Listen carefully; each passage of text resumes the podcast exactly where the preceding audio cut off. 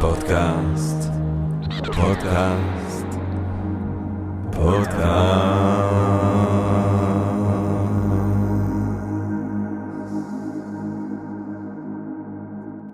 טוב, גבירותיי ורבותיי, ברוכות וברוכים הבאים לפודקאסט של Think and Ring Different, פודקאסט למי שאוהב לחשוב ולשתות. אני uh, ג'רמי פוגל, ולמרות uh, הכל, ויש הרבה למרות ויש הרבה הכל, אנחנו uh, רוצים להתחיל עם רגע של הודעה.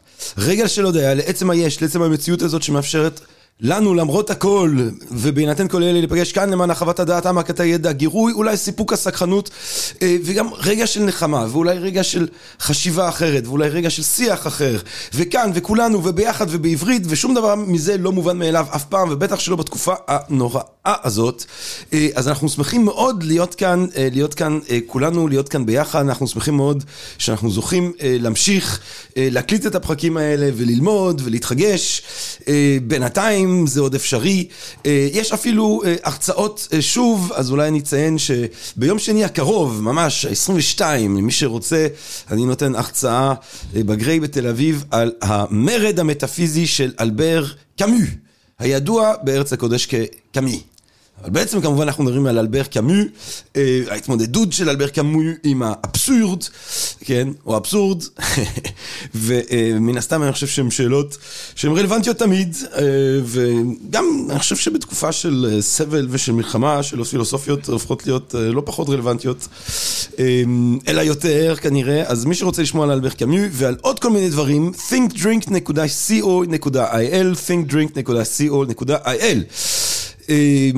ואני מקווה שכולם כמה שיותר בטוב, אנחנו שמחים מאוד לשמוע מכם, לקבל הודעות, לקבל בקשות לפרקים נוספים.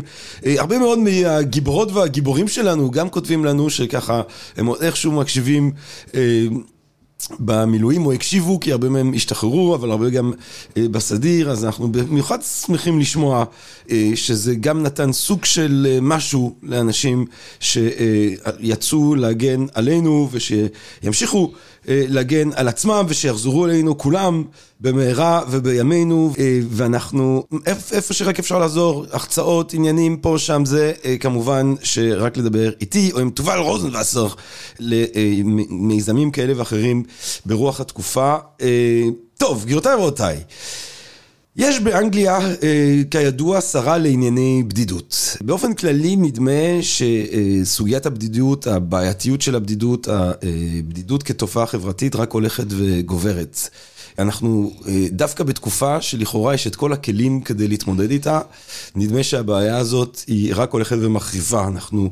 הרבה מאיתנו יום יום ברשתות חברתיות שאמורות לחבר בינינו לכאורה, לי נדמה שהתפקיד שלהם הוא בעצם להפריד בינינו, אנחנו נהיה הרבה יותר ברשתות אם נהיה פחות חברתיים, כן, זה כמו הבדיחה הזאת על זה שבעצם האינטרס של טינדר הוא שאנשים לא ימצאו בני זוג, כי ברגע שהם ימצאו בני זוג הם כבר לא יהיו בפלטפורמה, והאינטרס שלהם הוא קודם כל שאנשים יהיו בפלטפורמה.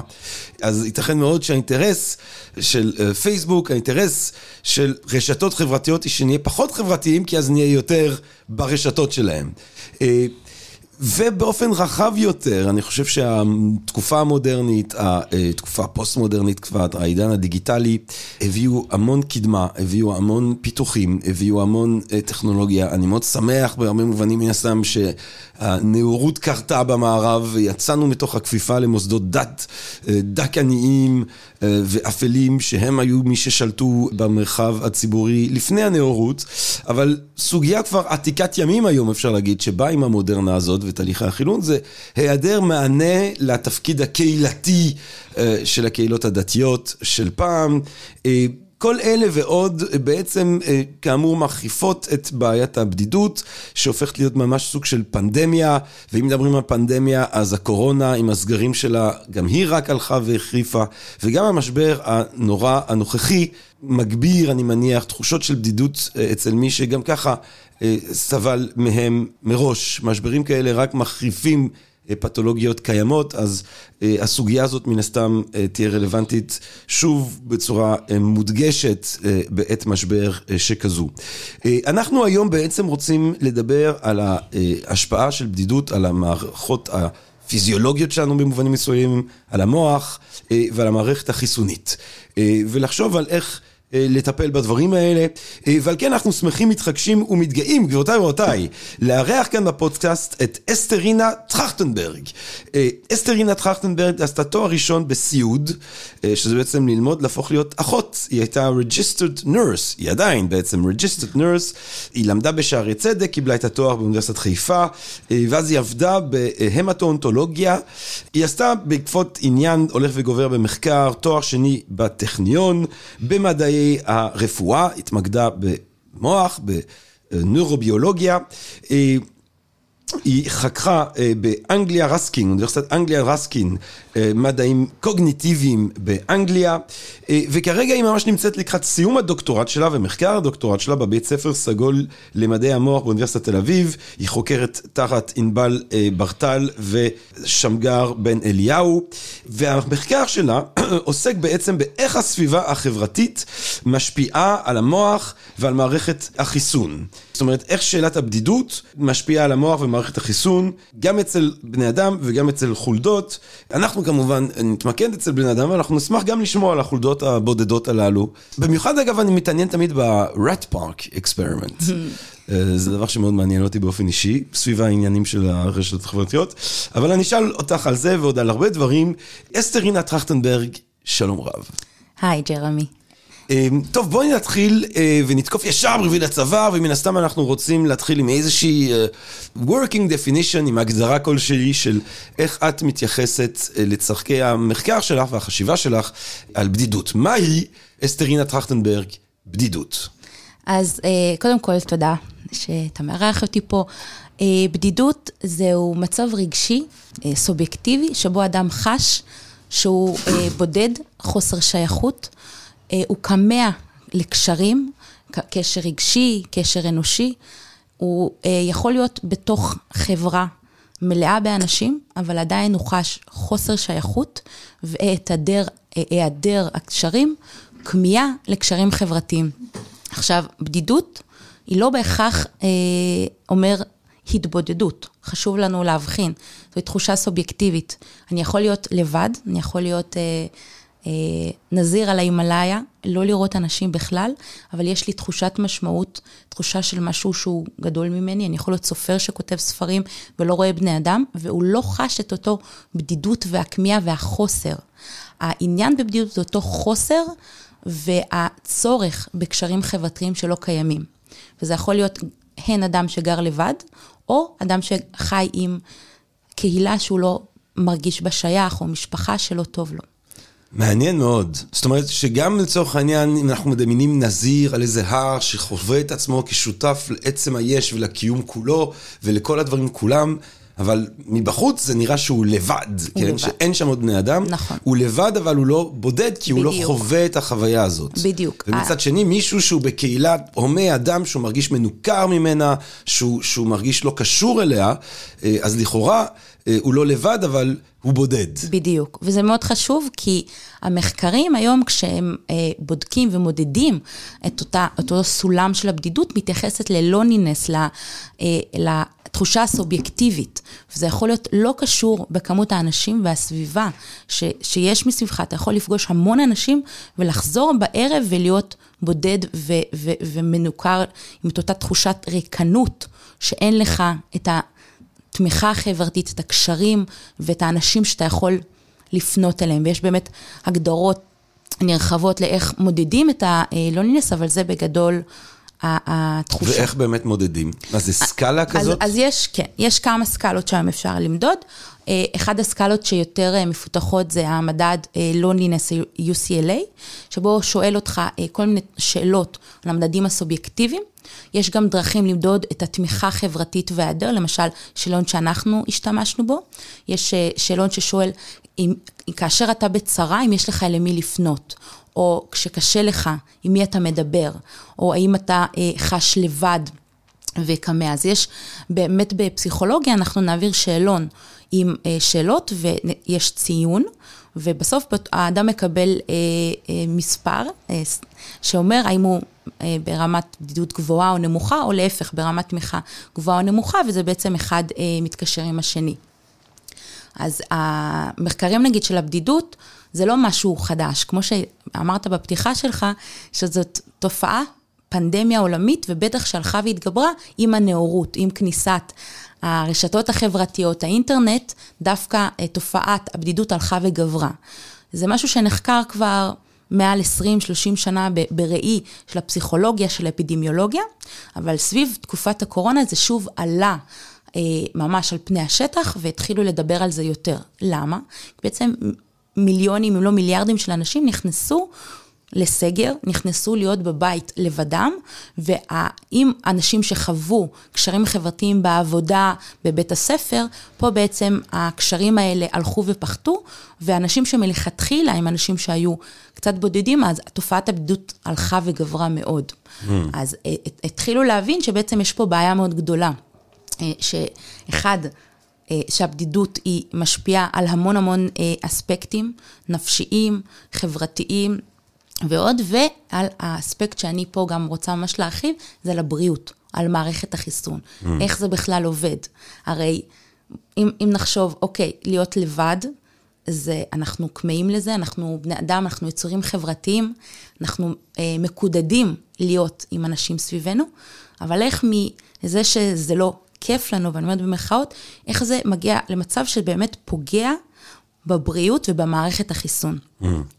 בעשור האחרון התחילה אה, אה, בתחום ה-PNI, Psychoneuroimmunology, תחום שהוא חוקר כיצד הפסיכולוגיה, הרגשות, התנהגות משפיעה על מוח ומערכת החיסון, התחילו לחקור גם איך הסביבה החברתית אה, משפיעה על מערכת החיסון. אז אחד אה, האספקטים הבולטים זה social genomics, אה, פרופסור אה, סטיב קול בארצות הברית, שהתחיל לבדוק את הסביבה החברתית, וספציפית אנשים בודדים, lonely people, איך זה משפיע על ביטוי גנים במערכת החיסון. והוא ועוד כמה חוקרים הצליחו למפות למדד אחד, מדד שנקרא CTRA, שמראה שאנשים בודדים יש להם שינוי בביטוי הגנים. במה זה מתבטא? Mm-hmm. יש עלייה במדדי הדלקת וירידה במדדים האנטי-ויראליים. זה היכולות של המערכת החיסון בעצם אה, אה, להילחם בבעיות, אה, ב, אה, אה, בווירוסים, כן. במערכת האנטי-ויראלית. עכשיו, אם נחשוב על זה רגע, תחשוב, שמנו אנשים בבית, אה, בקורונה, כן. ומערכת החיסון שלהם ככל הנראה השתנתה, והם נהיו יותר פגיעים, מערכת החיסון לווירוסים יותר פגיעים לווירוסים, ואז במקרה הם פגשו איזה נשא שנושאת נגיף הקורונה, ומערכת החיסון שלהם התחלשה עקב זה שהם היו בבית עכשיו חודש. זאת אומרת, את אומרת שיש פה unintended consequence, כן? כאילו... אה, השלכה לא רצונית מן הסתם, בדיוק. שבו אה, בודדנו את האנשים כדי לשמור על בריאותם, mm-hmm. אבל בגלל שלא לקחנו בחשבון את ההשפעה של הבדידות הזאת על מערכת החיסון, אה, יכול מאוד להיות שהיה במהלך הזה איזושהי מורכבות. נכון. זאת אומרת, אה, החלשנו את מערכת החיסון נכון. של מי שגרמנו לו להרגיש כן. בדידות. אז זה, על, ספציפית על הקורונה עדיין אין מספיק אה, evidence, אין מספיק עובדות שאספו ספציפית ב, אה, בקונטקסט הזה, אבל כן יש המון מחקרים שסקרו אנשים לבדידות והראו שהתחושה הסובייקטיבית היא נמצאת בהתאמה מאוד מאוד גבוהה עם אותם מדדים אה, בביטוי הגנים במערכת החיסון שיורדים. זאת אומרת שיש להם דלקת יותר גבוהה ויש להם מערכת החיסון שנלחמת בווירוסים יותר נמוך. עכשיו, אם נחשוב על זה בצורה שנייה אבולוציונית, בואו נלך אחורה. כן. מה המוח שלנו כל הזמן עסוק, כן? מה, מה התפקיד שלו בעצם? הוא רוצה להגיד למערכת החיסון עכשיו, איך בכל פעולה, איך להילחם, אוקיי? איך לשרוד. איך לשרוד, כן. כן. הרבה שנים לא ידעו שמערכת החיסון היא בעצם לא מערכת פריפרית בגוף, היא מקבלת מהמוח פקודות מה לעשות. זאת אומרת, מערכת פריפרית... נכון. תפרטי למי שבקהל הקדוש. כן, אז למשל יש לנו הרבה תאים לבנים במהלך, בגוף שנלחמים כן. בכל מיני זיהומים. בוא נגיד עכשיו הלכת, נפצעת, קיבלת איזשהו חתך רציני, נכנסו לך אה, חיידקים והמוח חווה את העניין. איך זה קורה? אתה נפלת, המוח קיבל את אותו אות ואמר, אוקיי, צריך לשלוח לשם חיילים לאזור, לעזור להירפא, תהיה דלקת מקומית, ולאט לאט המערכת חיסון תשתלט ותפנה את כל החיידקים. זאת אומרת, אם, אה, כשאמרת שהמערכת חיסון חשבנו שהיא פריפרית, זאת אומרת שחשבנו שהיא עצמאית ומנותקת נכון, מהפעילות נכון, שהיא המוחית שלנו. אוטומט, כן. ואנחנו יודעים היום שבעצם אה, זה הכל בא... ב- מהמוח. כן. זה התחום ה-PNI וה-Neuroimmunology, ה-Mind Body, היום יש המון המון מחקרים, אני אפילו לא אכנס כי זה לעצמו ייקח שעות כן. לדבר על זה, אבל נגיד סטרס ואיך מערכת החיסון, כן? בסוואנה, כשאנחנו היינו- ראינו אה, אה, משהו רץ אחרינו, כן? איזה נמר, אז המוח שלנו אומר סכנה, סכנה. מה הוא עושה כשהוא צועק סכנה, סכנה? הוא מעלה מיד את הדלקת, כי אם אותו נמר ייתן לי ביס, הגוף שלי יהיה מוכן כבר להילחם. יש מחקרים מאוד יפים גם של פר- אה, פרופסור אסיה רולס מה, מהטכניון שמדברת על איך המוח שלנו ברגע שהוא אוכל ונהנה, הוא יודע שייכנס לנו בעצם אה, פתוגנים מהאוכל, אז הוא מכין את הפריפריה להילחם בהם. כל פעם שעולה הדופמין מענה האוכל, מערכת החיסון מקבלת, אוקיי, מגיע עכשיו אה, כל מיני מזיקים מהאוכל. אבל זה תחומים ששוב אפשר לדבר עליהם. בואו נחזור שנייה לסביבה. אבל you keep saying that word, פריפרה. הפריפריה, כן. אוקיי, אז זה הגוף שלנו. הפריפריה זה הגוף, אוקיי? כשאני אוכלת, נכנס, נכנס למערכת העיכול שלי, אוכל עם פתוגנים, עם חיידקים. המוח זה ה-central hub, הפריפריה זה בואו ננסה מהצבא מעניין. ומטה. כן, ככה זה אנחנו לא- מתייחסים לא, זה לזה. מה- זה- זה בחירת מילה מעניינת. אה, כן? זאת אומרת, מבח- מראי באמת מדעי המוח, שהמוח זה המרכז, נכון. זה המוביל, נכון. וכל השאר זה הפריפריה. כן. יש גם אה, לב, ריאות, אה, דם, וה- והפריפריה, נכון, ה- כן, אני... אני קצת עכשיו- מעליב. אני יודעת, אבל אני, אני חושבת על זה, ב, אנחנו עושים את ההפרדה למערכת החיסון המרכזית של המוח, לבין מערכת החיסון שבעצם החיילים שעושים מה שאומרים להם, כן? כן. אז זאת הפריפריה ולא הסנטרל האב, אבל כן, אני לעולם, אני לא חשבתי על זה, זה ממש... תחשבי, אם אני מערך את הדם, אני אומר, היי, היי, כאילו מה, איך בלעדיי אתם מסתדרים? נכון, סליחה. נכון. אולי זה מסביר לך שבלי הפריפריה לא שווה כלום, אי אפשר רק שיהיה מרכז, צריך את הפריפריה בשביל שכל השאר יתפקד, נכון? יש פה כנראה. איזה עניין אה, מעניין חברתי. אבל בוא נחזור לאי הבודד. המוח שלך, הוא כל הזמן עושה סקירת המצב מסביב, וכדי להכין אה, להישרדות, למערכת החיסון להגיד לו מה לעשות. כשאתה באי בודד, אין מסביבך אנשים, מה הסכנה בעצם הכי גדולה שלך להיפגע? אה, תלוי אה, מה קורה באי הזה. בוא נגיד, אין מסביבך אנשים, יש רק חיות, לא, זה יכול להיות חיות, זה יכול נכון. להיות אה, אה, אה, קוקונוטס שנופל לך על הראש. בדיוק. אז מה, מה זה? פציעה, נכון? פציעה, כן. אתה יכול להיפצע. אז המוח שלך אומר, "אה, יכול להיפצע, מה אני מעלה? את המדדים הדלקתיים. מה אין מסביבי? אנשים. נכון. אנשים, מה הסכנה באנשים? מה אני... כל פעם שאתה נפגש עם עוד אנשים, מה הם מביאים לך? אה, מכות? אה, סתם, לא, סתם. זה, זה וירוסים, וירוסים, כן, בדיוק. כן. מכות זה, גם נכון, אז אולי יהיה. אה, זה, באמת מתקשר ל-social threat, שזה כן. תחום אחר, אבל נכון, וירוסים. כשאני חווה, כן, סובייקטיבית, שאני בודדת, המוח שלי אומר, אה, אין מסביבי אנשים, אני יכול להוריד את המערכת האנטי-ויראלית, אבל אין מסביבי אנשים שיעזרו לי במצב של פציעה, אז אני אעלה את המדדים הד- הדלקתיים. עכשיו, מה, מה הקטע? שזה מצב סובייקטיבי. אני יכולה להיות... אני רואה המון אנשים כל יום באוטובוס ובסביבות שהם פוגשים המון אנשים, אבל המערכת החיסון שלי מוחלשת, והם יכולים להשתעל ולהעביר וירוסים. Mm. אז זאת אחד הדברים ה- ה- ה- מעניין מאוד. מעניינים ש- תגידי, האם המוח מופעל לצורך העניין על ידי צפייה באנשים בסרטים או במסכים? זאת אומרת, האם אני, אם אני רואה הרבה אנשים, אה, לא פיזית, אבל אני כל הזמן רואה אנשים אה, בטלוויזיה, האם המוח שלי אומר, אה, יש פה אנשים, צריך להרים את ה... שאלה מעולה. Load"? אנחנו, עכשיו אסביר את זה בדרך אחרת. אחד המחקרים שאני הכי אוהבת, שחקר איך הבדידות משפיעה על המוח, חוקרת בשם תמוב, היום היא בקיימברידג', והיא לקחה אה, אנשים ובדקה איך acute isolation, בדידות אקיוטית מיידית, משפיעה על המוח. היא חילקה אותם לשתי קבוצות, וחלק היו בעשר שעות של אה, אה, בדידות, הם היו בחדר, בלי שום תכנים חברתיים, בלי שום דבר. הם רק אה, היו לבדם. אה, ומה שהסבירה, איך הם מנעו מהם לראות, כמו, כמו להיות בצינוק בבית כלא, משהו כזה. אולי יותר נחמד כי זה מחקר. ומול אנשים שהיו בצום, עשר שעות, לא אכלו, רק שתו מים.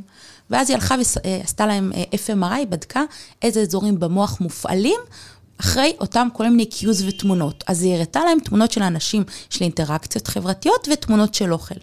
ומה שהמדד הכי מטורף ש, שהיא מצאה, שהאזור המופעל במוח, גם כשאנשים ראו cues, כן? כל מיני אה, תמונות של אנשים וסרטונים, וגם אנשים שהיו בצום וראו תמונות של אוכל, האזור ש, שהופעל הוא אותו אזור של ה midbrain באמצע המוח שקשור לאותו craving הכי בסיסי שלנו, הצורך הכי בסיסי שלנו באוכל, אוקיי? והצורך הכי בסיסי ככל הנראה זה מה שהיא אה, מצאה בבני אדם. עכשיו, פה היא מצאה הפעלה של אזור במוח של אותו החשק.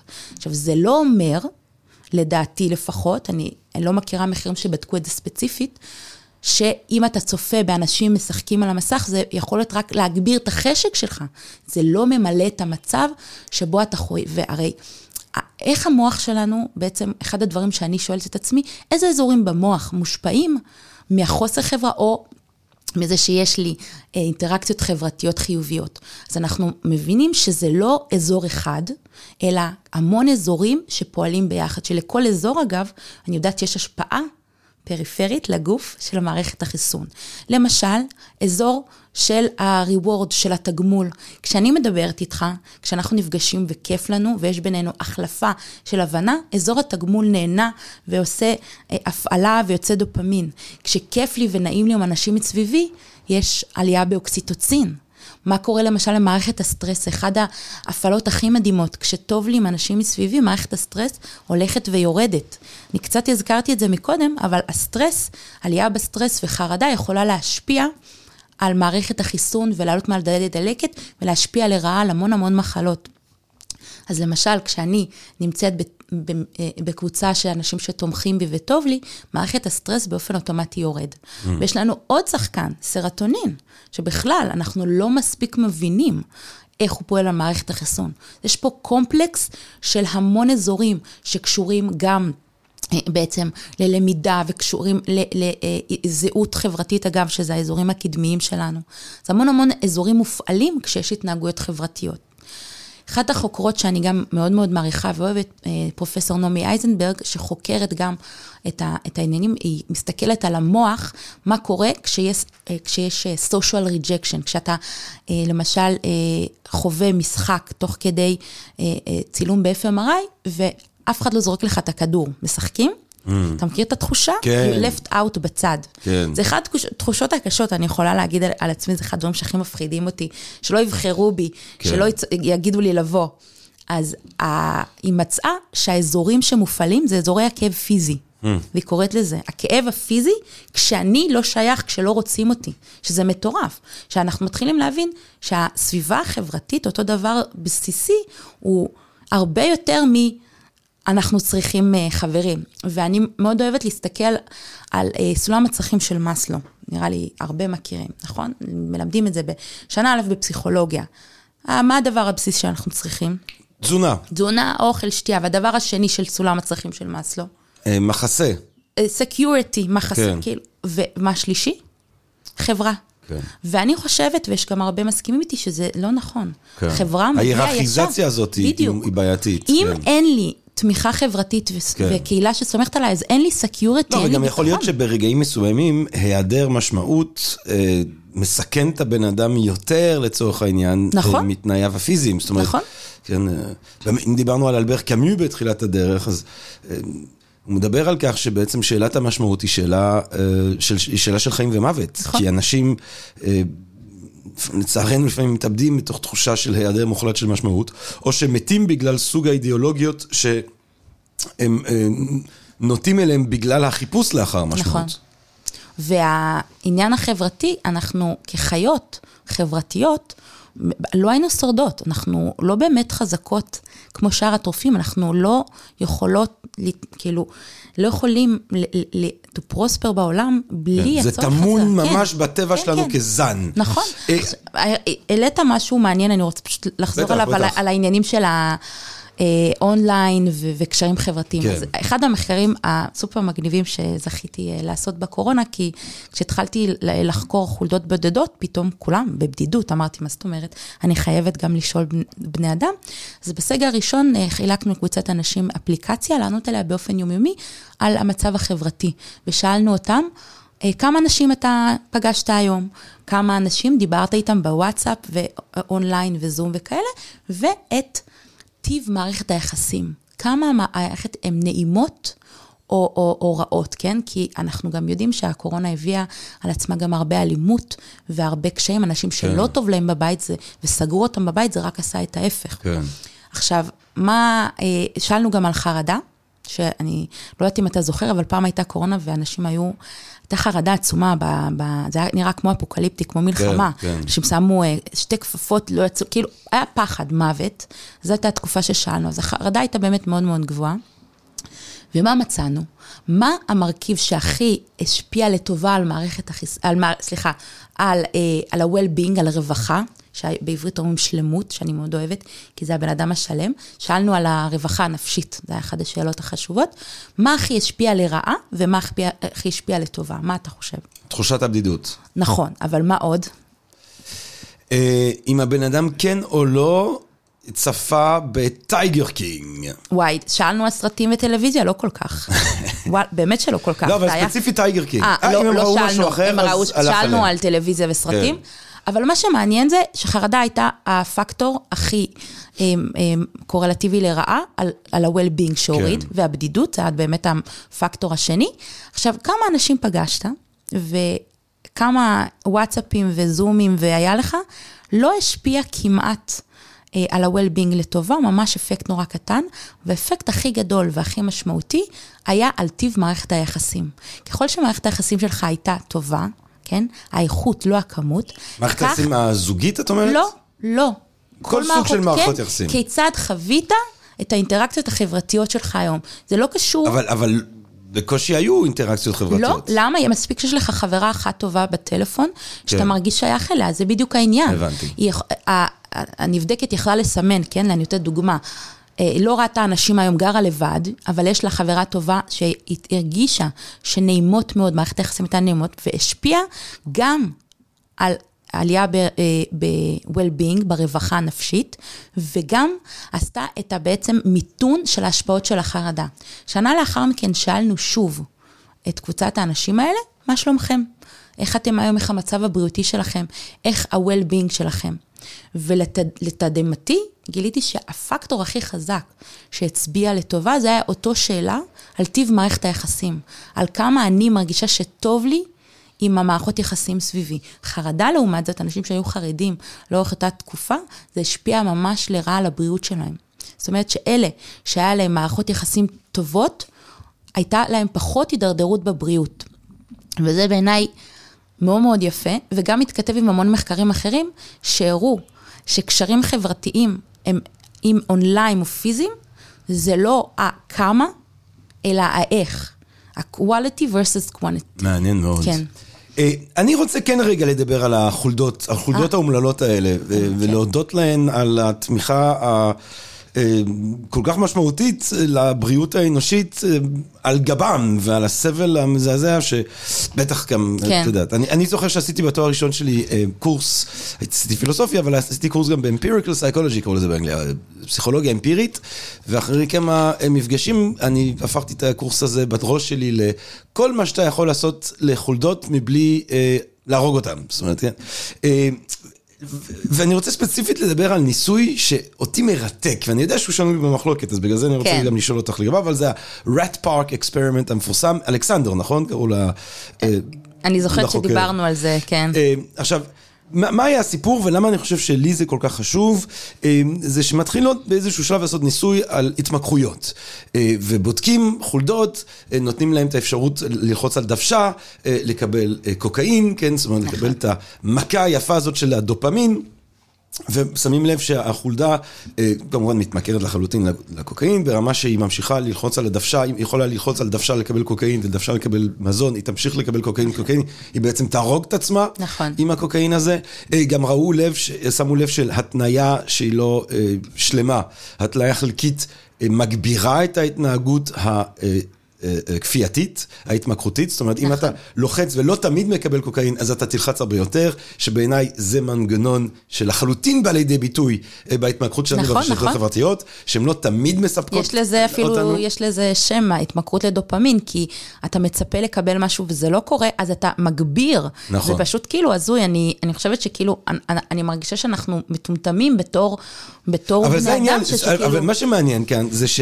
זה שאני חושב שאם אנחנו רוצים להתייחס לבן אדם, כמו שאמרת, בשלמותו, אז יש את כל הגישות האלה נכון. שבעצם את משקפת, שאנחנו מסתכלים על הקשר בין גוף לנפש ולבדידות, אה, אולי אפילו לגישות פסיכותרפיות או פסיכואנליטיות, אם אני רוצה ללכת לעומק, או, או, או לוגותרפיה, אם אני רוצה לחפש את המשמעות, נכון. או, אה, אבל אם אני רוצה להפעיל אותך כסוג של ייצור, כיונק, אז בהביוריזם זה מושלם. נכון. ואנחנו עומדים, אנחנו עומדים תחת התקפה, חסכת כל תקדים ביעילות שלה, על יד, שמבוסס על כל הידע הביהביוריסטי שרק אפשר לחשוב עליו, ומה שמסתבר אה, במחקר המדהים שהרשתות עצמן יכולות לקיים, כדי להפעיל אותנו. אז לצורך העניין באמת, אה, זה מאוד פשוט, כן, אנחנו מקבלים תגמול כל פעם שאנחנו מעלים סטטוס, אבל לא תמיד מקבלים... לייקים, כן, אני חושב שזה לא סתם שלפעמים יש סטטוסים נכון. שאתה מקבל עליהם הרבה לייקים, ופתאום אחד שאתה מקבל מעט לייקים, אז זה רק יגביר נכון. את הרצון שלך לקבל יותר לייקים. אה, אז יש את הדבר הזה, אבל אז מגיע אה, אותו חוקר ואומר, טוב, אבל בעצם יש פה משהו בניסוי שהוא לגמרי מטעה, היות ועכברושים... חולדות. הם, או חולדות, סליחה, הם יצורים חברתיים. נכון. אז יכול להיות שחלק מהסיבה לזה שהם מתמכרים ושהם לוקחים סמים עד שהם מתים, זה שהם בודדים. זה, זה ממש נבנה... לא חלק, זה ממש, זה ממש... הרמת פה להנחתה, אז, אז בוא בענק. נבנה, אז הוא אומר, בוא נבנה פארק. נכון. נבנה להם פארק, שיהיה להם חיי קהילה, והם מסתובבים ביחד וזה, וגם שם יש להם גישה נכון. לדוושות.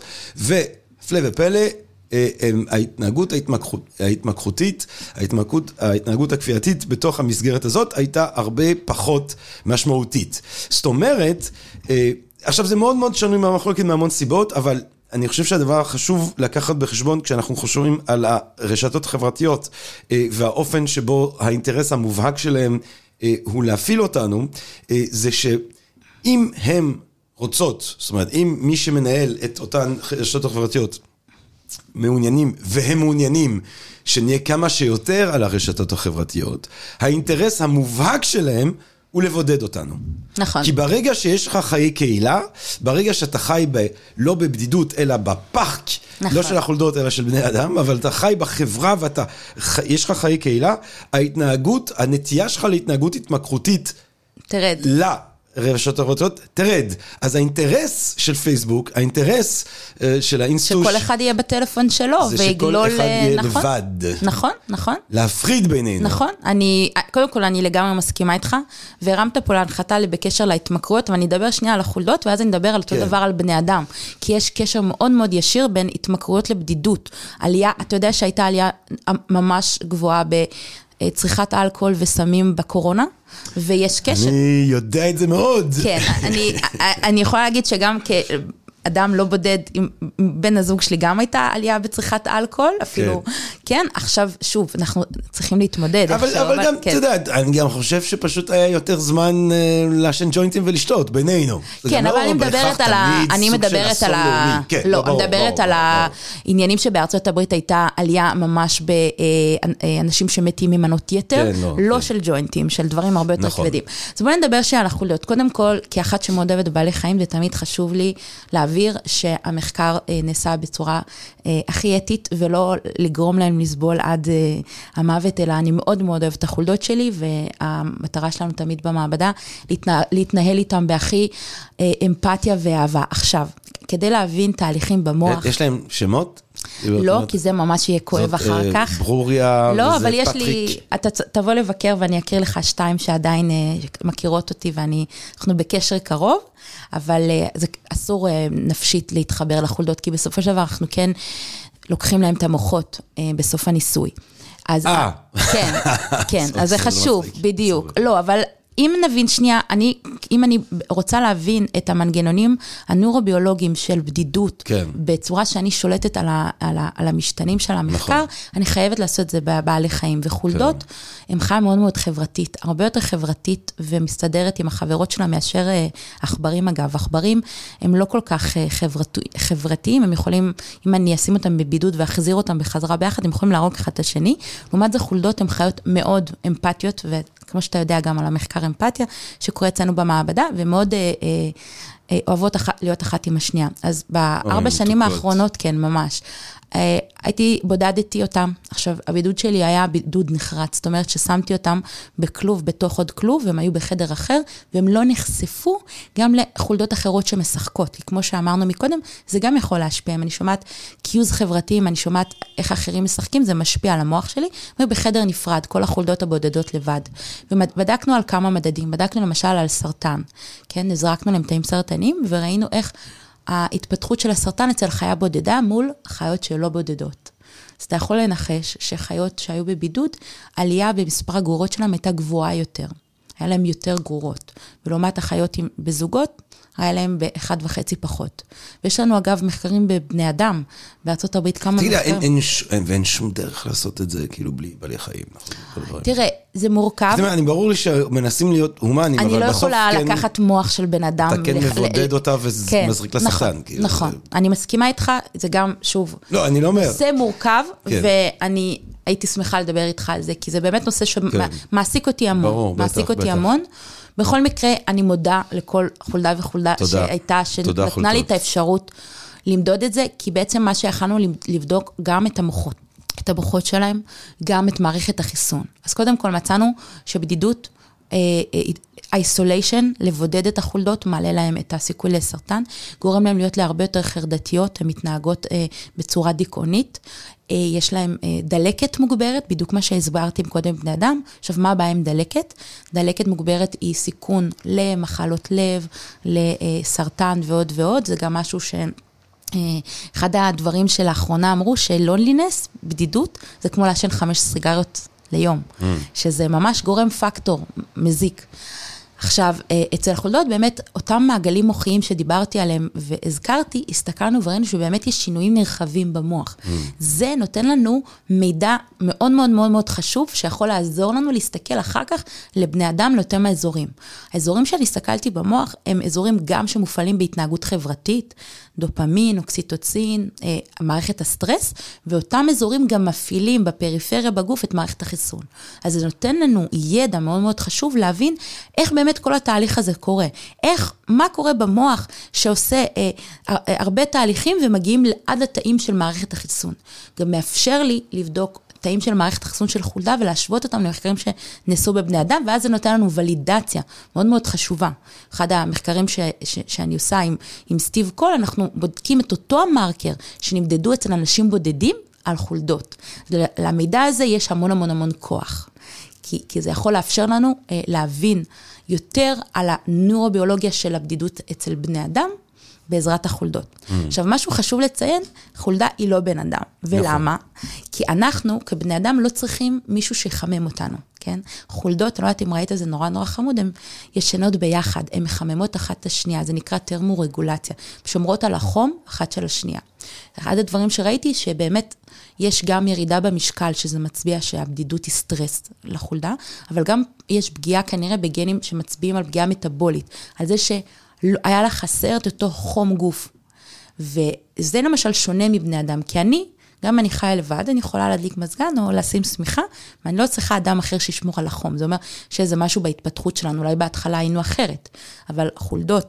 לא, אבל זה פשוט גם עזרים אה, טכנולוגיים, כי אני, אני, אני מניח שבני אדם שחיו במערות, נכון. אה, כן אה, התחבקו מאוד משפחתית. נכון, ומה קורה כשאתה נכנס לסופת שלגים ואתה צריך, מה אומרים? מה אומרים? להתפשט ולהתחבק ביחד ולשמור על חום גוף אחד של השני. להתפשט? כן, כן, בגלל שאתה צריך שלא יהיה barriers של הבגדים, כאילו לא להתפשט לגמרי, גוף לגוף, גם, גם כן. לאימא שיולדת תינוק צריכים מגע נכון. של גוף לגוף. כן. אני יודעת על זה כי יש לי חברה שזה קרה להם בטיול בנפאל, שהם בסופת שלגים והם היו צריכים להתחמם אחד עם השני. זאת אומרת, הם מטורף. בחוץ, בתוך השלג? הם בנו לעצמם, נכנסו לכזה גונחה, whatever, something כזה יותר safe, והורידו את הבגדים והיו מחובקים, ומעלם שמו את הבגדים, כי יכול לשמור על חום יותר. אה, יפה. אז אתה צודק, זה רק עזרים טכנולוגיים היום. וחולדה, היא, הם, הם שומרים על החום אחד אין של להם השני. טכנולוגיה, כן. לא, גם יש להם צרכים אחרים מבחינת החום גוף. אז זה חשוב להסביר, מה נותן לי המידע על החולדות, ואם אני אתן שורה תחתונה, לשים חולדה לבד, זה רע. ונחזור לעניין ההתמכרויות. גם אצלנו במעבדה קצת התחילו לבדוק את העניין של חולדות ששותות אלכוהול. או. אה, וחברה, אה, ב- בניסוי מאוד מאוד מגניב, חולדה שהיא בבידוד, שותה אלכוהול, הן שותות. אגב, בבידוד, אם הן ביחד, הן שותות פחות. זה, זה פשוט מטורף. אני תמיד מסתכלת על כל המחקרים שמפרסמים על הרואין וקוקאין וזה, תמיד הבעלי חיים בבידוד. כל הממצאים על זה, על זה שהם לבד. עכשיו, זה כן נכון לעשות, אותה, לעשות את זה לבד, כי זה מדמה אנשים מכורים שהם לרוב מגיעים מבדידות. אז אנחנו יודעים שחולדה שהיא לבד והיא שותה, ברגע שהיא תהיה באינטראקציה חברתית, זה יפחית לה את הרילפס, את החזרה לשתייה. זה אני מקווה שבעתיד יהיו פרסומים מאוד מאוד יפים מהמעבדה שלנו.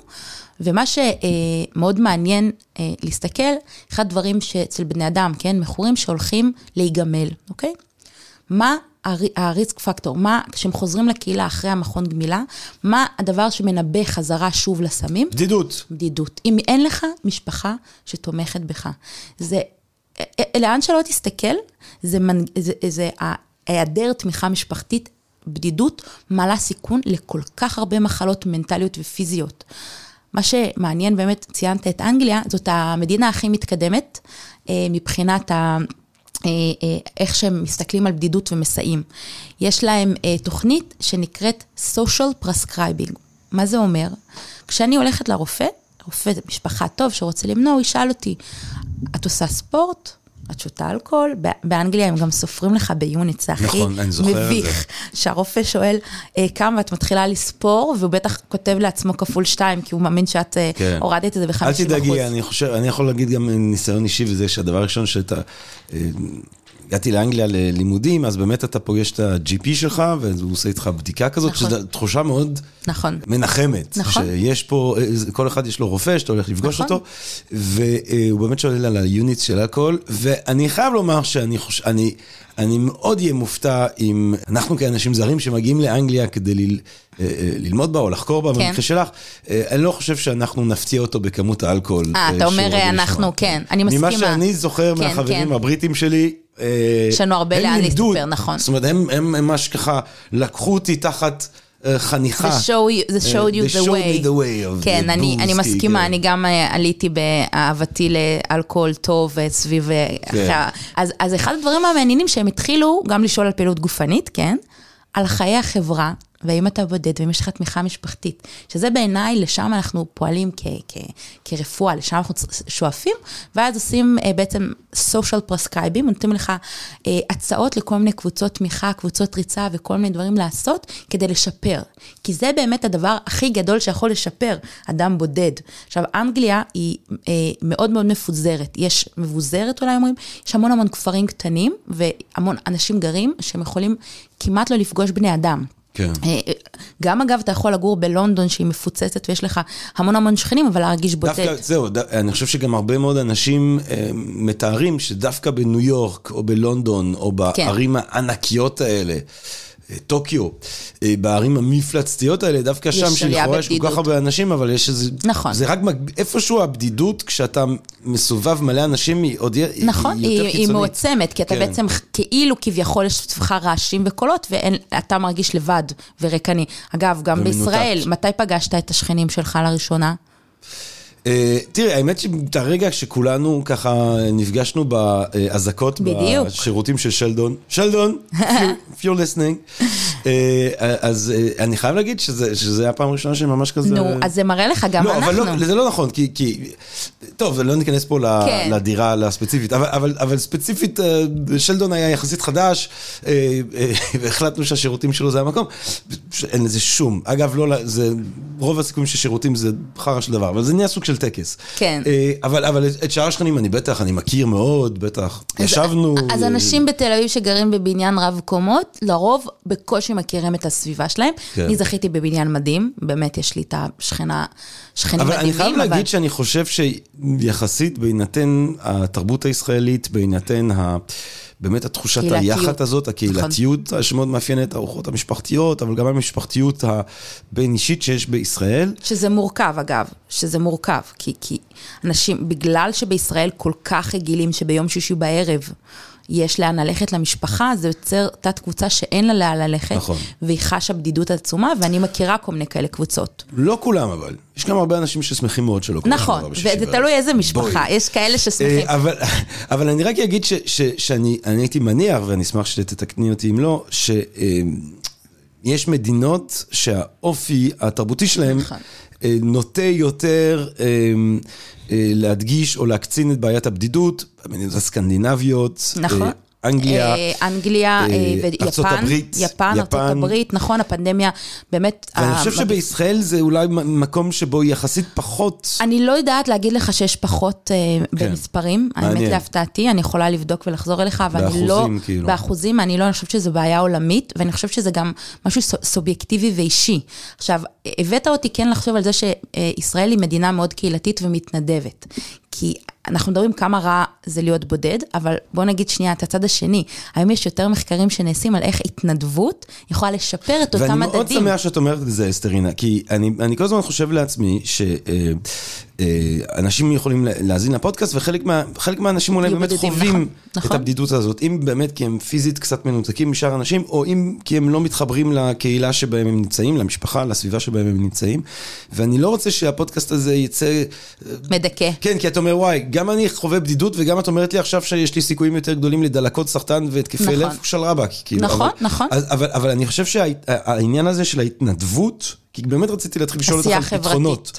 כאילו, אז- אז אני גם התנדבות אספר- זה משהו שבאמת הוא במובן מסוים בשליטתי. נכון. אני יכול לבחור להתנדב. נכון, לקום ולעשות, עכשיו, אני אתחיל שנייה מהמדע, כן? בארצות הברית עשו כמה מחקרים, ממש אה, נקרא randomized control אה, trials, שלוקחים קבוצות, מחלקים אותם ובודקים, עושים התערבות, בודקים לפני אחרי. אני יכולה למדוד את ההתערבות. לקחו קבוצת אנשים ואמרו להם, אה, אחד, אה, קבוצה של לכו תתנדבו לאחרים, שתיים, לכו תתנדבו לעולם, ללכת לאסוף כל מיני דברים, ושלוש, לעשות משהו לעצמי, אישית, לבד, לכתוב יומן, ללכת לספה. ובדקו את אותו מדד שסיפרתי לך קודם על בדידות, ומצאו שאלה שהתנדבו, כן, במשך אה, תקופה, שלוש פעמים בשבוע, היה להם שיפור. במדדים האלה, ממש שיפור. מה baseline שלהם הייתה אה, שיפור, זאת אומרת, אה, עלייה ב anti-inflammatory וירידה בדלקת. כן, עלייה, אה, סליחה, עלייה אה, ב anti-viral וירידה בדלקת, כן, ש, שהמדדים האלה השתפרו. ואחד המחקרים הכי מגניבים שהם עושים את זה, על אנשים מבוגרים, כאלה שיושבים בבית אחרי שהם בפנסיה, ואין להם עבודה, והם נמצאים במצב מאוד מאוד קשה, והם גרים לבד. ולקחו ושלחו אותם להתנדב בבית ספר, ומדקו להם את אותם מדדים, גם מדדים של מערכת החיסון, גם בריאות ופסיכולוגיה, וראו שיפור מטורף. מדהים. עכשיו, מה זה אומר, וזה בדיוק יושב על ה-social prescribing, כשרופא שואל אותך, אתה בודד, אין לך, אז בוא נחשוב מה אתה יכול להיכנס, להיות חלק אינטגרלי מהקהילה. זה לא בהכרח חייב אגב להתנדב, זה מספיק ללכת לקבוצת הליכה עם אנשים, פעמיים בשבוע אתה פוגש אנשים, זה לקום ולהוציא את עצמך מהבית, וזה אחד באמת הפתרונות. היותר טובים. עכשיו, אני אישית מאוד מאוד אה, בעד התנדבות, אני עצמי מתנדבת אה, המון המון שנים באופן קבוע בכמה מסגרות, כי אני חושבת שמעבר לזה שזה נותן תחושת משמעות ועשייה טובה, זה מוציא אותך מהצרות של עצמך. אם אתה, כן, לדוגמה, מחר הולך להתנדב בבית אבות, ופוגש אנשים קשישים שנמצאים במצבים טובים, שנייה אתה שוכח את הבעיות שלך ויכול להתעסק עם ה... בעיות של אחרים. וזה לא חייב להיות התנדבות, זה יכול להיות כל דבר אחר. אפילו אם תלך לקבוצה, אני לא יודעת, ש, שעוסקת ב... ב איך לשפר את המרחב העירוני ושיהיה יותר ירוק. עצם זה שיש קבוצה ועושים עשייה, עשייה משותפת, זה מעלה את השייכות. ומה שאני מאוד אוהב בעניין הזה של ההתנדבות ובתוצאות המחקריות האלה סביב ההשפעה הבריאותית כן. של ההתנדבות, זה שהתנדבות במובן מסוים זה משהו שכן נמצא בשליטתי.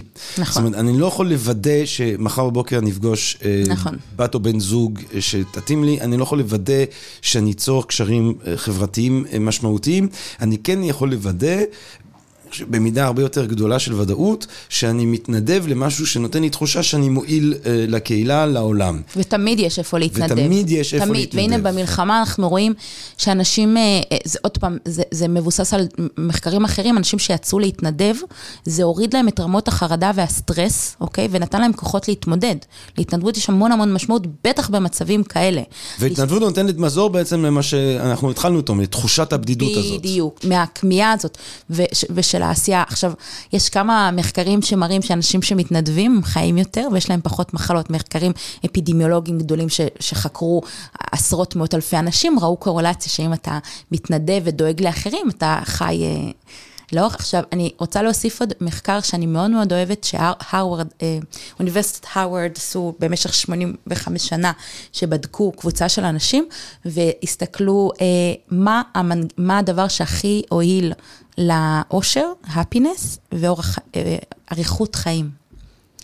לא בריאות, לא כסף, לא כל הדברים האחרים שאנחנו חושבים, הם כן תורמים, אבל באמת אותו קשרים חברתיים, עשייה, התנדבות, הם היו הפקטורים שהכי אה, תרמו לעלייה בהפינס ואריכות ימים.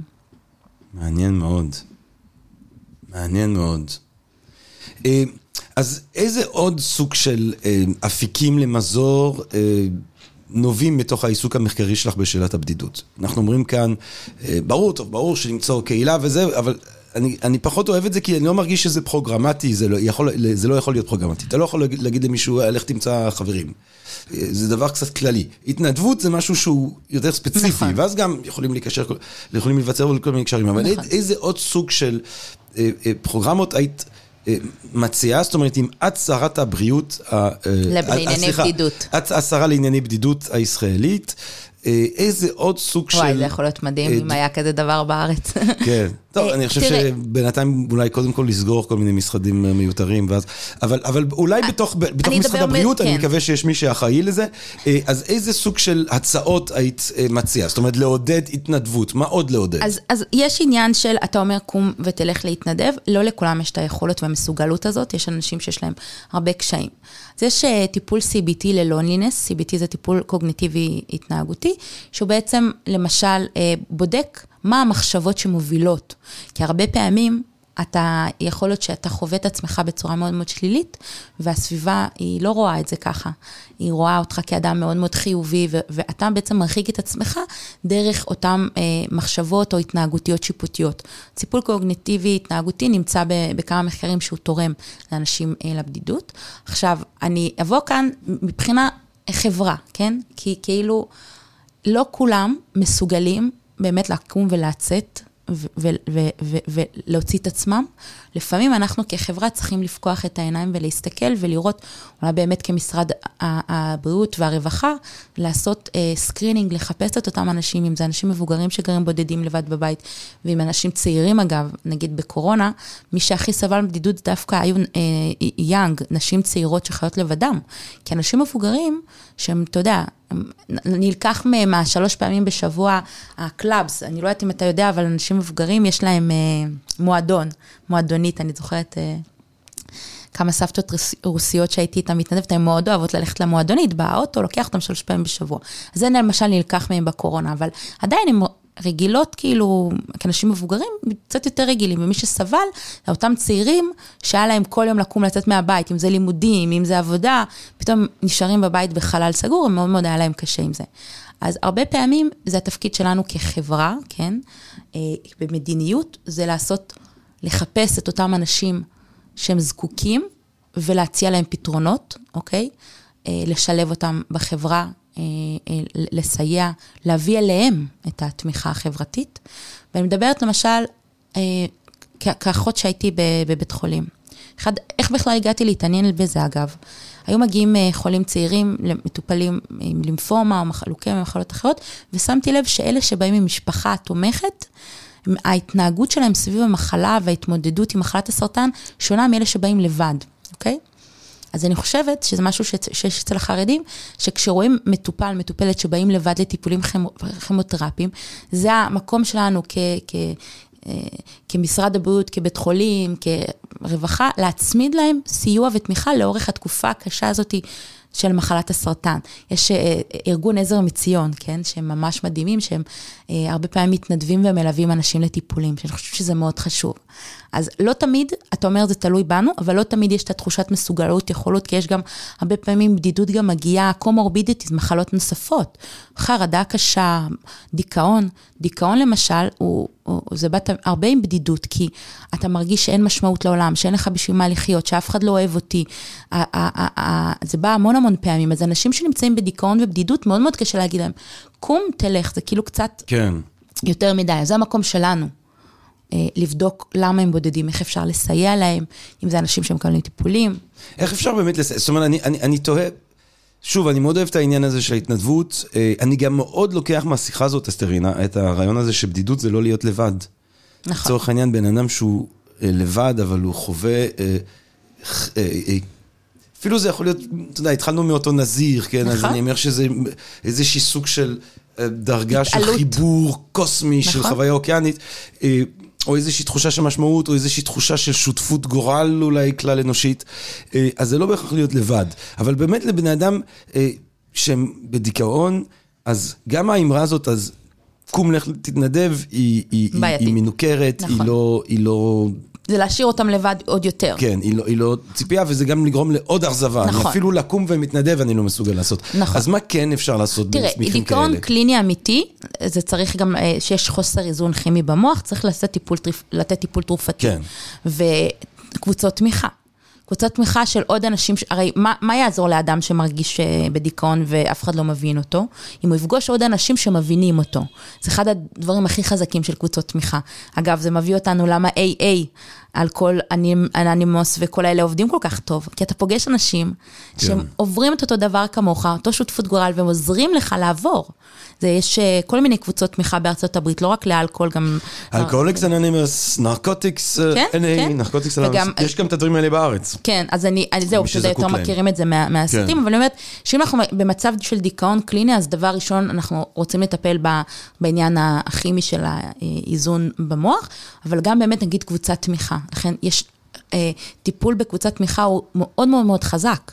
כי זה לא שאני מדבר עם הפסיכולוג ואני אומר, היה לי ילדות קשה וזה וזה, והפסיכולוג מהנהן, אלא יושבים בקבוצה עוד אנשים, נשים שמבינים את מה שאני חווה והם איתי בתחושה, וזה בדיוק מה שחסר, התחושה הזאתי, שמבינים אותי, שמכילים, שיודעים, שאני לא לבד עם התחושות האלה.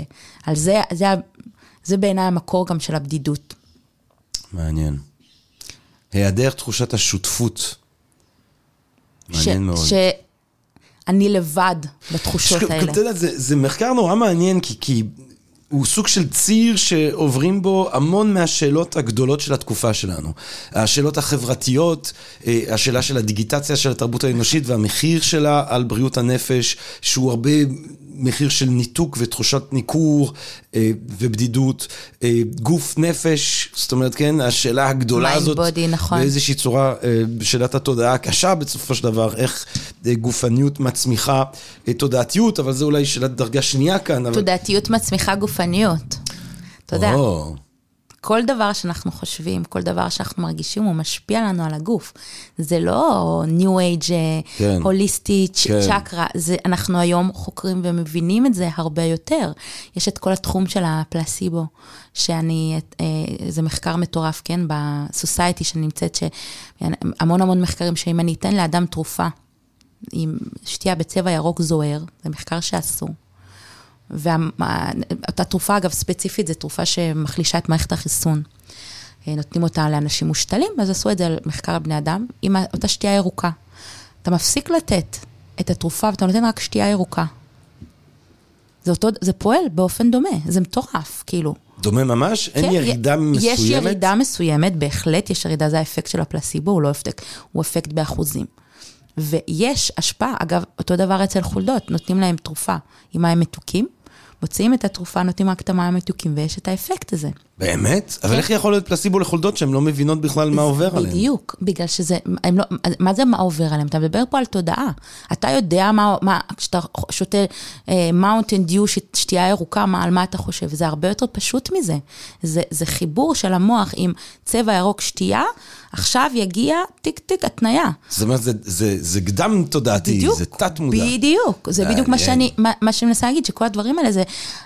זה אפילו לא בתודעה, זה הרבה, זה הרבה מתחת לזה. אז הנה עוד ציר, זאת אומרת, הציר של, של, של הבדידות כבעיה חברתית, הציר של גוף נפש וההבנה הולכת וגוברת אה, בנו אה, סוף כל סוף אולי, ובעקבות גם אה, מחשבות אה, אה, עתיקות ימים מכל מיני מסורות ומכל מיני אה, תרבויות, מסורות חוכמה בעולם, על, על החשיבות של, ה, של הקשר הזה. יש המון צירים רחבים מאוד שבאים לידי נכון. ביטוי במחקר שלך. נכון. גם אפשר להסתכל על, על, ה- על המלחמה, כן, ועלייה. אה, זה לא המומחיות שלי, אבל עלייה בהפרדה הזאת של מי אני ומה אתה. עכשיו, כמו שאמרת בהתחלה, זה באמת יכול להגביר מאוד את תחושת הבדידות הזאת. איפה זה יכול להתבטא? נגיד, אנשים שהם תורמים והולכים לצבא, ברעל והכול, ואדם שהוא בעצם פציפיסט, והוא חושב של, אני רק רוצה שהמלחמה תיגמר, והוא לא חש שיש אנשים סביבו שיכולים להבין את, את התחושות כן. האלה. זאת אומרת, דווקא שאנחנו בתקופה גם שמאוד מאוד מדגישה, כאילו, יחד, יחד לנצח, יחד לנצח, יחד, אה, אה, ו- וכולנו ביחד, וזה יכול לגרום אצל אנשים שהם מרגישים לא חלק נכון, מהיחד כל כך, נכון. אה, להקצין את גם תחושת מה זה יחד? במדינת ישראל יש כל כך מורכבות. כן. מה, מה הערבים, שהם ערבים ישראלים שחיים בינינו, בזכותם אנחנו קיימים, הרופאים שמטפלים בנו, האחיות, כן.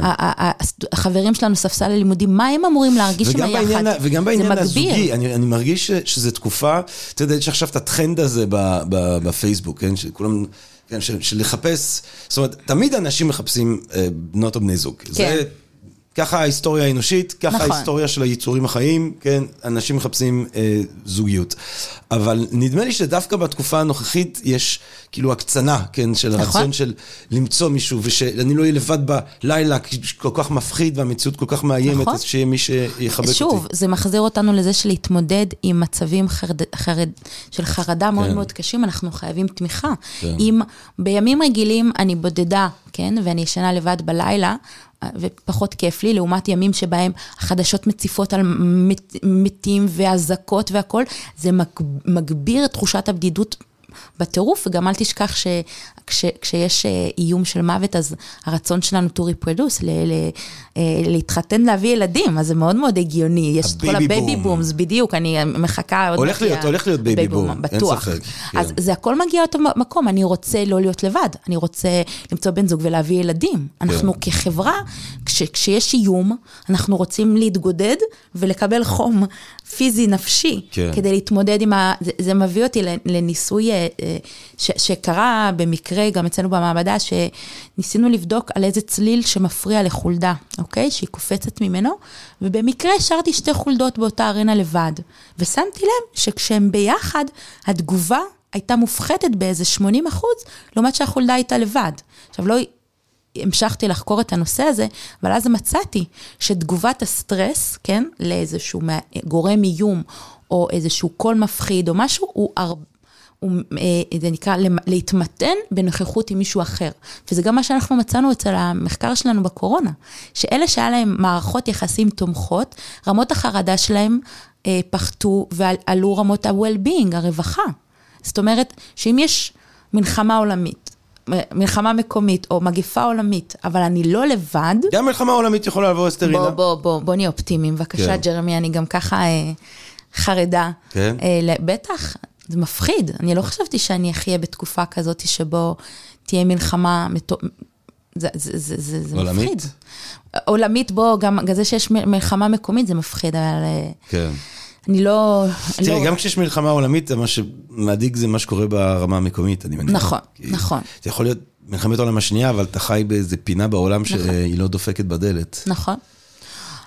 באמת ההבנה היא שההישרדות שלנו וההתמודדות עם דברים היא, האם אני לבד או אם אני לא לבד. זה, זה בדיוק ה... כאילו, לבד אני כן. מתכוונת, יש לי... בתחושה. תחים- בדיוק, בתחושה, בתמיכה. ושזה כאילו, ממש לאורך בכל כך הרבה אה, אה, ממצאים אנחנו רואים את זה. גם אה, אנשים אה, שיש להם מחלות OCD, כן? במחקר שחקרתי בקיימברידג', באנגליה רסקין, באמת ראינו שאנשים שגרים לבד, יש להם הרבה יותר OCD ואגרנות, לעומת אנשים שלא גרים לבד.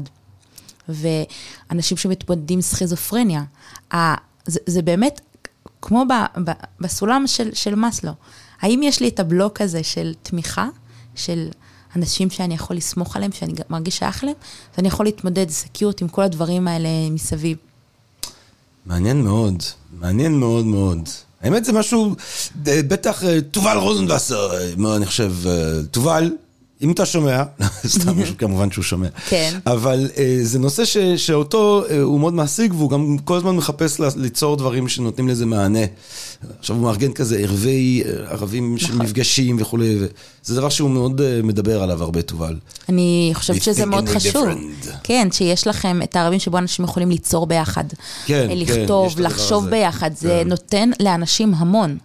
אנחנו כמו שראו את זה במחקר, אנחנו craving, כמו שאנחנו רוצים אוכל ושתייה, אנחנו רוצים שיבינו אותנו, אנחנו רוצים שיהיו איתנו, אנחנו רוצים להיות אה, מוכלים ומובנים. אסתר רינת טרכטנברג, מרתק, מרתק, מרתק, מרתק, מרתק, מרתק, חשוב, משמעותי. אה, תודה רבה לך, תודה רבה לך אה, שבאת אלינו כאן היום ושנידבת אה, בנדיבות כזאת גדולה וברוח כזאת חיובית. תודה רבה. מהמחקר שלך, ולכל מי שמאזין ומאזינה. וחובה תחושה של בדידות, אז בדידות זה לא רק להיות לבד. נכון. ועל התחושה הזאת אפשר אולי לעבוד בכל מיני אופנים. אה, אם זה דיכאון קליני, אז אמרנו, אז קודם כל אולי באמת טיפול תרופתי, כי צריך אה, להסדיר, נכון. ואם יש תרופות, אז למה לא לנצל אותן? אם יש אפשרות לעזרה, למה לא אה, ללכת לשם? למי שכן חווה את עצמו ואת עצמו, אז אמרנו התנדבות, להתנדב, לחפש איפה להתנדב, וכבר שם יש מסגרות כאלה ואחרות, מתוקף המסגרת של ההתנדבותית. וגם כאילו לתת מענה לתחושת הניכור הזה אל מול העולם. נכון, ולא כן. להישאר לבד עם התחושה הזאת, כי היום אפשר גם להתקשר לערן, שזה כן. המתנדבים מדהימים שעונים בטלפון ויש להם כלים לתת. כאילו, הרבה פעמים אנחנו לבד ואנחנו חושבים שאף אחד בעולם לא מבין את ההרגשה הזאת. אז אני אבל באמת... אני, ואני גם, אני חייב להגיד, אני, ואני לא רוצה זה, כן, כי יש לי אינטרס תמיד לדחוף פילוסופיה, אבל אני כן חושב ש... חלק ממה שיכול לתת מענה לבדידות זה המפגש האמיתי העמוק נכון. עם הסופרים או הסופרות הגדולות, או עם, ה... עם פילוסוף גדול, כן? אתה קורא את שפינוזה. משהו גדול, משהו גדול ממך. כן, לא, לא אבל... לא סתם דת זה ממכר. יש פה גם מפגש אמיתי. אני תמיד, אה, אה, יש לי משפט שאני אוהב להגיד, שכשאתה קורא את שפינוזה, שפינוזה עצמו, כן. קורה משהו מדהים. וזה שאתה קורא את שפינוזה. אתה באמת נמצא במפגש ובמגע אה, עם הבן אדם הזה, כן. עם אפלטון, עם שפינוזה. אני חושב למשל על המכתב המפורסם של מקיאוולי, שהוא מגורש מפירנצה, uh, והוא כותב מכתב ואומר, אני, אני בסכלה, אני בבוץ כל היום, ב, עם האיכרים, ואני מנותק לגמרי כן. מהסביבה שבו הוא נמצא. הוא בודד. אומר, הוא בודד, למרות שיש סביבו אנשים, אבל הוא בודד. בודד. אבל אז הוא אומר, בערב אני שם את השמלות של התקופה שהוא היה דיפלומט גדול, כן. ואני... ואני סוגר את עצמי בספרייה, ואז אני נפגש עם כל הענקים של פעם. ודווקא, וזה מעניין, כי דווקא ביום כשהוא כאילו עם האנשים שהוא לא מרגיש עליהם נכון. חיבור, אז הוא מרגיש בודד, ודווקא בערב, כשהוא קורא את אפלטון, וכשהוא קורא את כל הפילוסופים הגדולים שקדמו אותו, אז הוא מרגיש בחברה שהוא מרגיש אני... חלק ממנה, ו, ו, ו, אה, אה, ואז הוא גם... אה, כותב בסופו של דבר, וגם אם הוא מתפלמס איתם, הוא מרגיש אה, שותף איתם. זאת אומרת שאני חושב שזה אולי באמת הדגמה מאוד יפה של בודד זה לא לבד, ושל עד כמה של העיסוק, אה, זאת אומרת, עד כמה ש, של, של קריאה של פילוסופיה, לפחות גם בחיים שלי, זה מתפקד כסוג של מפגש ממשי, וזה מפגש עם אנשים מדהימים. מפגש עם uh, סוקרטס, ומפגש עם אפיקורוס, ומפגש עם שפינוזה. אני חושבת שזה מדהים שהוא לקח את המקום הזה של הלבד למקום עילאי ונעלב, כן. וזה לא רק, אגב, לקרוא את שפינוזה, כן, אני מאוד מאוד uh, מתחברת למה שאתה אומר, אבל קריאת ספרים, הרבה אנשים מוצאים בקריאת ספרים שהם בעצם לא לבד, הם עם כן. כל הדמויות של הספרים, וזה באמת משהו ש... זה גם, יש על זה מחקרים אגב? על, ה, על הבדידות וקריאת ספרים, כן. האם תולעי ספרים פחות בודדים, זו שאלה מעולה. שאלה מעניינת. כי תולעת ספרים בעצמי, שאין דבר שאני יותר אוהבת מלהיסגר בחדר ולקרוא ספר מההתחלה עד הסוף, זו תחושה מדהימה, וגם כן. כל, כל הילדות שלי הייתה ככה. לא היה לי הרבה חברים, אבל היו לי המון ספרים. כן. אמ, אני רוצה לבדוק את זה, אני לא חושבת שיש. מעניין. אני, יכול להיות. אני לא נתקלתי, אבל זה ממש מדליק לחשוב על זה, כי בעצם הספרים, בשונה מהגלילה האינסופית בפייסבוק, יש לך פה עולם עשיר עם תוכן, ולא רק את הדופמין שכל הזמן אתה מקבל... אה, טוב, אה, יום ראשון בבוקר, אסתרינה, אה, כן. לקחת חולדות ולתת להם לקחו את קאנט. ביקורת התבונה הטהורה. נראה איך הם... בוא נראה, ואז נראה. ואז בוא נראה מה קורה במוח שלהם. בהחלט. אה, אבל מעניין, מעניין. נכון, נכון, זה כן. העלית פה אה, כן. שאלה מאוד מעניינת, אני חושבת שאני הולכת לחקור את זה. וואי, איזה טוב. אם אף אחד לא עשה את זה, אז... טוב, תצטרך למחוק את זה בעריכה כדי שאני אוכל להיות הראשונה לעשות לא, את זה. לא, דווקא אני אומר, אני משאיר את זה, כי כן? אז תהיי קצת בלחץ ותרוצי לעשות את זה מהר. האמת, ש, האמת שזה מדהים, זה גם לא כזה קשה לעשות את זה. נכון. פשוט לשאול אנשים, מלא אנשים כמה ספרים הם קוראים. כן. ו... אני, אז טוב, אז אני יכול לעשות בקשות, אם כן. כבר אנחנו זה. אה, איזה ספרים? איזה ספרים? תוך, וואו, אוקיי, ג'רמי, אנחנו נראה לי נעשה מחקר ביחד. כן? אין ברירה. יא, בכיף. מחקר, הקש... חוקרים. הקש... הקשר בין פילוסופיה לבדידות, האמת שזה מדליק. כן. וגם, אני, אבל אני גם רוצה לבדוק לפי רמת ההבנה של הפילוסופים שאתה קורא אותם. לא, זה כבר אחד, אתה יודע, אתה צריך לשבת איתם ולבחון כן, אותם על כן. הבנה. לא, לא לפרט, זאת אומרת, אני חושב שלצורך העניין... גם מה זה אומר הבנה? בעיני, אני חושב שאם אתה קורא, אה, לא, כי יש גם פילוסופים, ואני לא אומר את זה בגלל הקורא, אני אומר את זה בגלל הפילוסופיה. יש פילוסופים שהם לא מובנים, כן, שהם קשים נכון, להבנה. אומרת, נכון. אני, אה, בדיוק יצא הספר המחקרי שלי, כן. אגב, על... אה, מאוד מרגש. כן, אה, על משה מנדלסון והרמן כהן, זה לא, זה לא באמת ספר קרי, זה, כן. זה נשק. כן. צריך לזרוק על מישהו.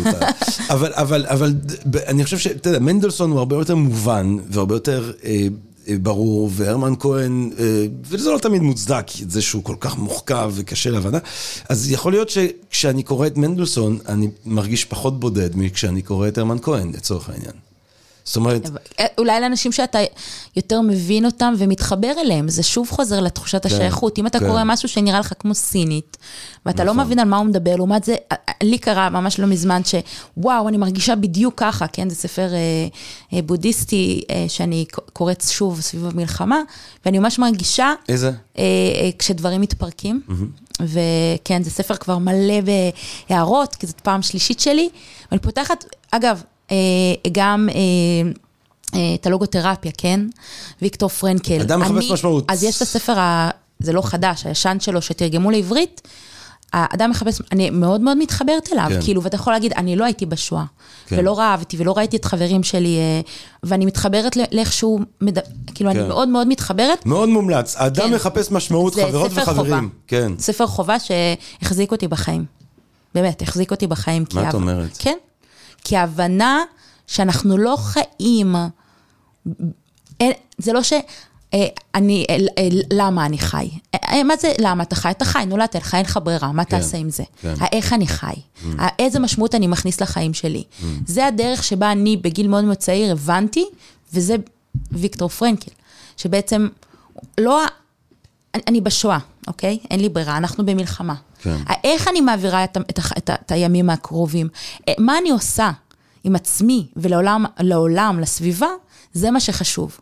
כי, כי אם אני חיה או לא, I have no choice. אין לי, אין לי... מחזיר אותי ממש לסטואיקנים. כן? זאת אומרת, אה, בכל דבר תשאל, אומר באקטטוס, האם זה בשליטתי או לא בשליטתי. אם זה בשליטתי, תתאמץ, תעשה, אם זה לא בשליטתי, נכון. תפתח סוג של אדישות. ואין, אתה יודע, אין לנו שליטה. לא. אה, כאילו, אני... רוצה שהמלחמה תספסק, אני רוצה שהחטופים יחזרו, כן. אבל אין לי שליטה, מה אני יכולה לעשות? כאילו להתחרפן? לא. אני יכולה ללכת ולהתנדב. כן. ואני יכולה... יכולה ללכת להפגין. נכון. אתה יכול לעשות דברים אחרים, ואגב, כל אחד זה מה שעושה לו טוב, כן? כן. כל אחד, אה, אני תמיד מאמינה, אה, כמו שרבי עקיבא, תתחיל עם עצמך, כן? לפני שאתה הולך לתקן את העולם, תתקן את עצמך, תראה איך אתה דואג. רבי עקיבא ומייקל ג'קסון. כן. Man in the mirror. Change his ways. אני מתחברת יותר לרבי עקיבא. אה, כל אחד והרב שלו. אבל יש לו, כן.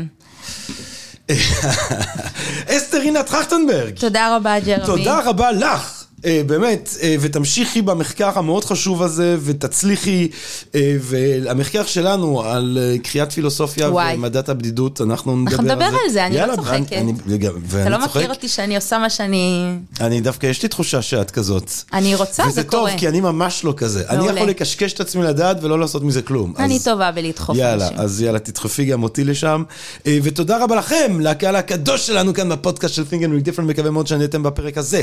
מהפרקים שבעזרת השם עוד אה, נמשיך להקליט, מאלה שכבר הקלטנו, אה, ואני מקווה שאתם איכשהו כמה שיותר בטוב, בתוך המבול הזה, שמצאתם איזושהי תיבה אה, שבה אתם אה, משמרים את עצמכם ואת אוהביכם ואת מה שצריך לשמר כדי לבנות את העולם מחדש.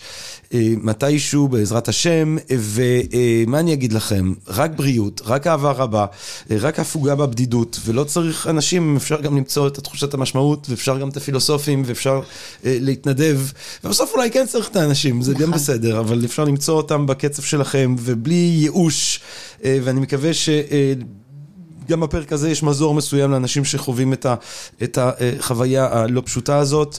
אה, רק טוב, רק אהבה רבה, ונשתמע. תודה רבה. פודקאסט, פודקאסט, פודקאסט.